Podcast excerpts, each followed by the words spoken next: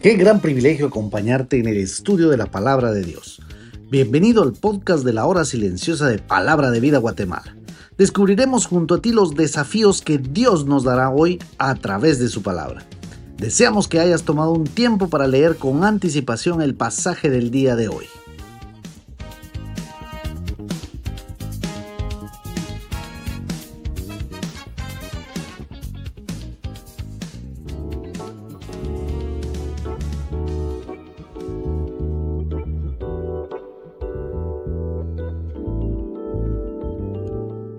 Esto lo digo para vuestro provecho, no para tenderos lazo, sino para lo honesto y decente y para que sin impedimento os acerquéis al Señor. 1 Corintios 7:35. Muy buenos días, mi estimado hermano mi querido amigo que me acompañas en un lunes más de este podcast, este comentario bíblico basado en los pasajes de nuestro devocional La Hora Silenciosa. Te saluda Héctor Salazar y veamos las recomendaciones que el apóstol Pablo hace en este importante capítulo 7 de 1 Corintios. Estamos del versículo 25 al versículo 40 y quiero tomar el versículo 35 como el eje central que describe el sentir del apóstol. ¿Por qué digo esto? Porque Pablo buscó el provecho, buscó el beneficio para estos creyentes de Corinto que querían realmente una guía y un buen consejo. Entonces viene Pablo y sin el ánimo de tenderles lazo, o sea, de ponerles restricciones o limitaciones, les da recomendaciones. Pero no son recomendaciones humanas. Si te fijas en versículo 25 dice, doy mi parecer como quien ha alcanzado misericordia del Señor. En versículo 35 dice que sin impedimento os acerquéis al Señor. Y versículo 40 Pablo afirma que también Él tiene el Espíritu de Dios. Para mí, Todas estas recomendaciones que vamos a ver, Pablo las hace tomando en cuenta a Dios y con ese respaldo se los escribió a Corinto y así deja nuestro Dios que lo sepamos hoy por medio de su palabra.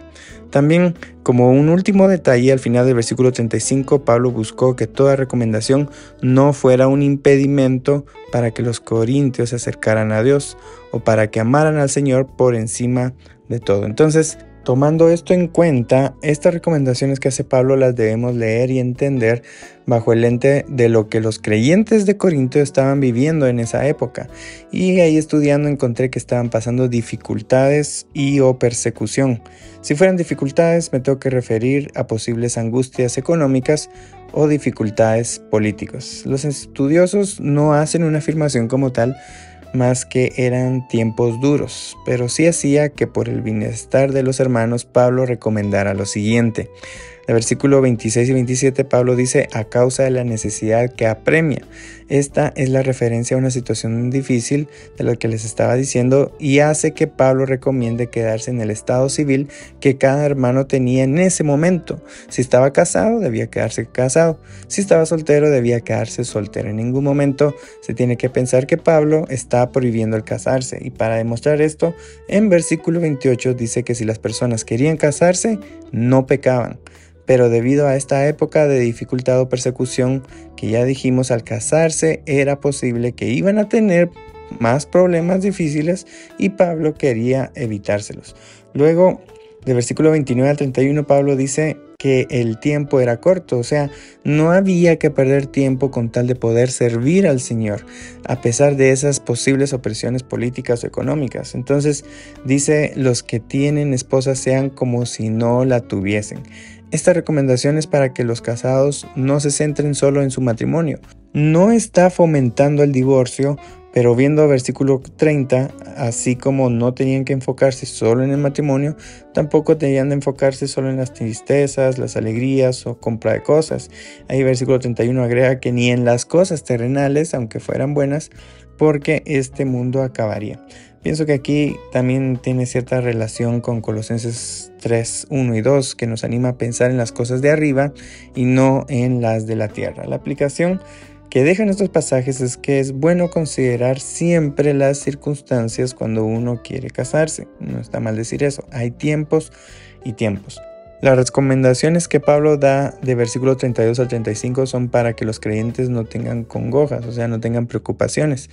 A los solteros hombres los anima a que se ocupen de servir al Señor, de las cosas de Él y de agradarlo en lo que piensan o hacen. A las solteras también las anima a que se ocupen de las cosas del Señor y de ser santas en cuerpo y espíritu, o sea, consagrarse en cuerpo y alma. Pero a los casados Pablo les dice que tienen que ocuparse de sus responsabilidades, necesidades, de las cosas de la vida, pero también que se ocupen de su pareja. O sea, no la tenían que desatender. Iban a tener intereses divididos, sí, pero tenían que responder a ambos. Luego Pablo se encuentra teniendo que dar recomendaciones a unos padres que velaban por sus hijas, doncellas, y es lo que leemos en versículo 36 al 38. Tenemos que recordar que en esa cultura oriental los padres arreglaban con quién se casaban los hijos. Entonces, versículo 36, si el padre quería dar en casamiento a su hija, viendo también el tema de su edad, Pablo dice que está bien que se casara. En versículo 37, eh, si el padre prefería que su hija no se casara para que no sufriera ya sea por las dificultades o por hombres con costumbres paganas, también estaría bien. La última recomendación que da Pablo tiene que ver con mujeres que se separaban de su esposo porque éste había muerto.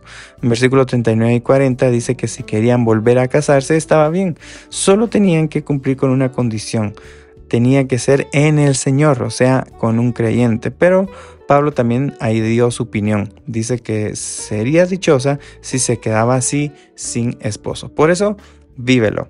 Tu estado civil tiene importancia, pero no es más importante que servirle a Dios. Si quieres casarte, hazlo. Solo toma en cuenta lo que hemos aprendido en este capítulo 7, 1 Corintios. Si aún no tienes el deseo de casarte, también está bien, pero nunca tu estado civil debe interferir o como decía, no tiene que ser un impedimento para mantenerte cerca del Señor. Ni tu soltería ni tu matrimonio deben impedir tu servicio a Dios.